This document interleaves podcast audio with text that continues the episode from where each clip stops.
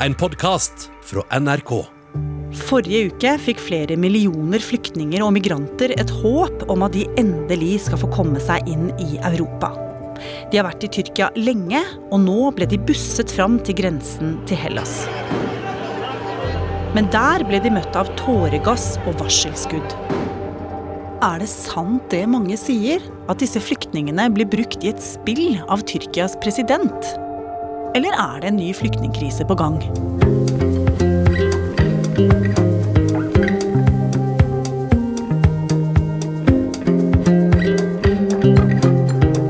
Du hører på Oppdatert. Jeg heter Ragna Nordenborg. Philip, er du der?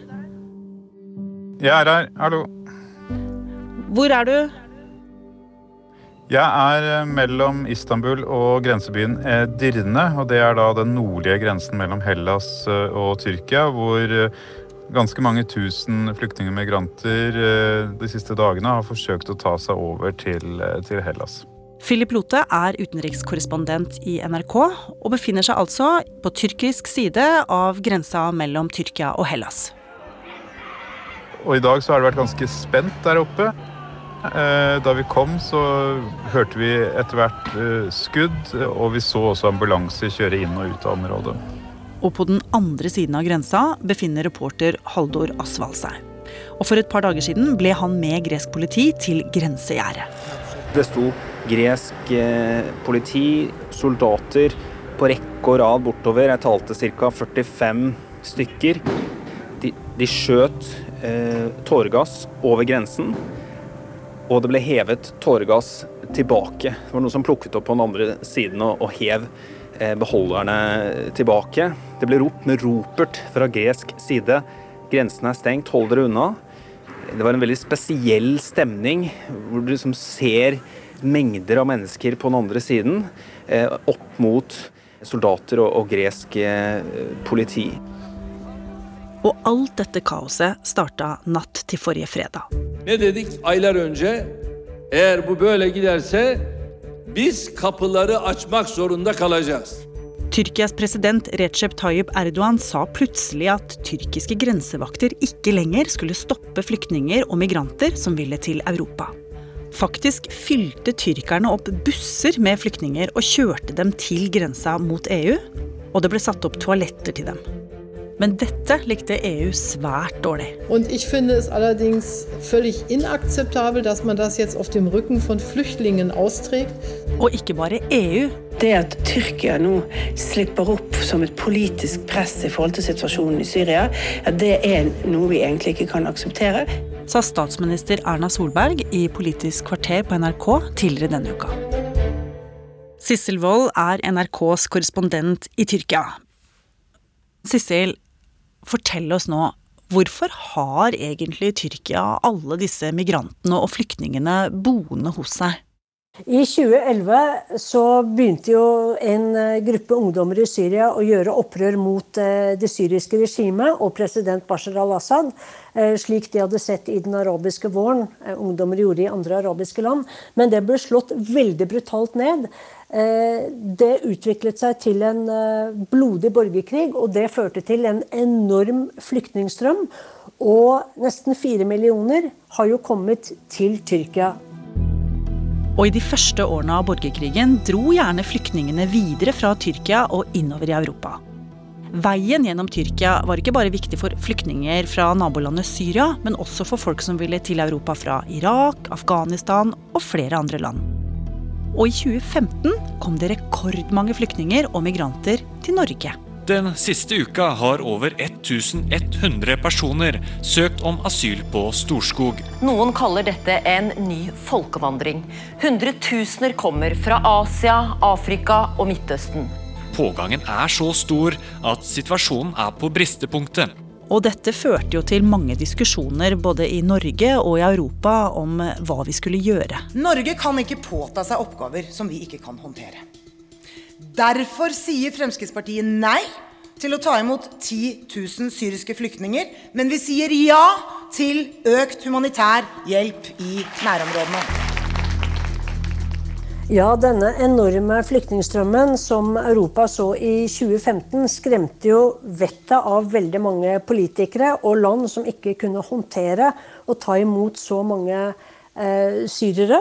Sånn at man kom eh, til enighet med Tyrkia om at tyrkerne skulle stanse eh, den nærmest ukontrollerte eh, vandringen inn i Europa mot at eh, europeerne skulle ta kvoteflyktninger, sånn at eh, europeerne bestemte hvem de skulle ta.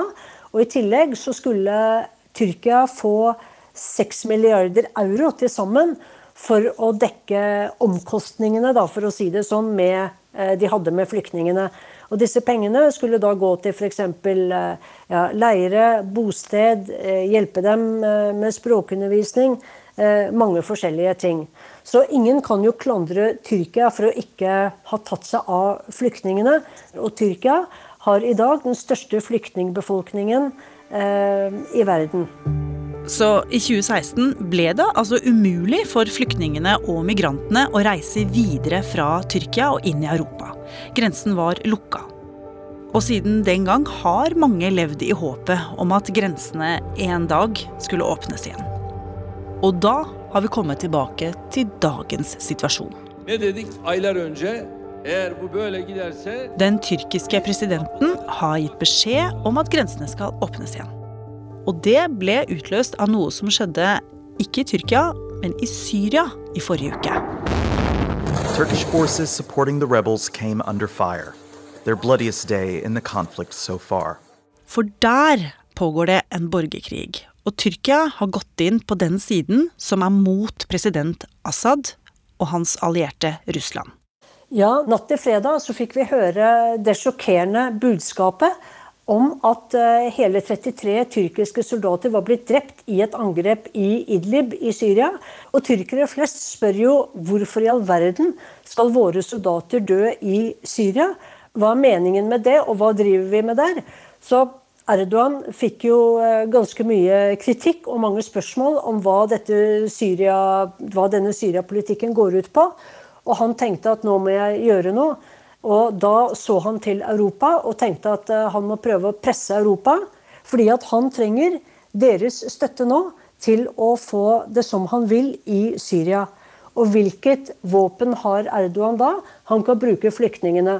Flyktningene for han er en brikke så han sa at ok, nå er eh, grensene åpne. De som vil, kan prøve å komme inn i Europa. Og det vet vi jo nå at EU, og ikke Norge heller, er interessert i. Så var dette et mislykka grep fra Erdogans side? Det vil vise seg om Erdogans tusler og spill fører frem. Eh, fordi ingen europeere ønsker å ta imot en ny flyktningstrøm. Eh, sånn at eh, da må man jo komme med noe annet som Tyrkia blir fornøyd med. Og det er vel enten penger eller politisk støtte til eh, politikken og disse kampene som foregår i Syria. Så Sissel, når vi snakker om at det kan komme mange flyktninger og migranter til Norge nå, hvor mye realisme er det i det? Nei, Det tror jeg ikke kommer til å skje i det hele tatt. fordi Det første er at de ikke kommer inn i Hellas. Veldig mange kommer ikke inn dit. Selv om uh, tyrkiske myndigheter mener at 100 000 har passert grensen, så sier greske myndigheter at nei, det stemmer ikke. Og for det andre så er det veldig mange av syrerne og afghanerne uh, som har familie i Tyskland, kanskje noen i Sverige, også andre steder i Europa, og det er dit de vil. Torsdag kveld den 5. mars, etter at vi var ferdig med episoden, kom det beskjed om at det har blitt en våpenhvile i Syria. Men hvordan det påvirker flyktningsituasjonen i Tyrkia, er ennå usikkert.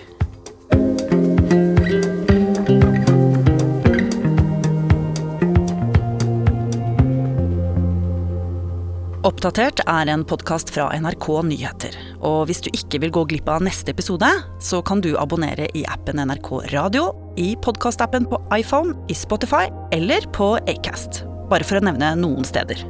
Bare søk opp Oppdatert, så finner du oss. Denne episoden var laget av Ida Tune Øritsland, Petter Sommer og meg, Ragna Nordenborg. Vil du kontakte oss, gjør det på oppdatert krøllalfa nrk.no. Mitt navn er Tuva Fellmann, og jeg vil gjerne at du skal lukke øynene og se for deg en stor kirke. Det er gudstjeneste, og derfor er det ganske stille. Det er bare orgelmusikken som ligger som et teppe over rommet. Men helt på bakerste rad, der finner du Iris. Altså Hvis noen hadde bestemt seg for å komme inn på messe, så hadde de sett meg bli tatt bakfra. Historien om en kjappis i kirka den får du hvis du laster ned Juntafil som podkast, sammen med andre historier som dreier seg rundt det viktigste i livet, spør du meg, nemlig sex, kropp og følelser.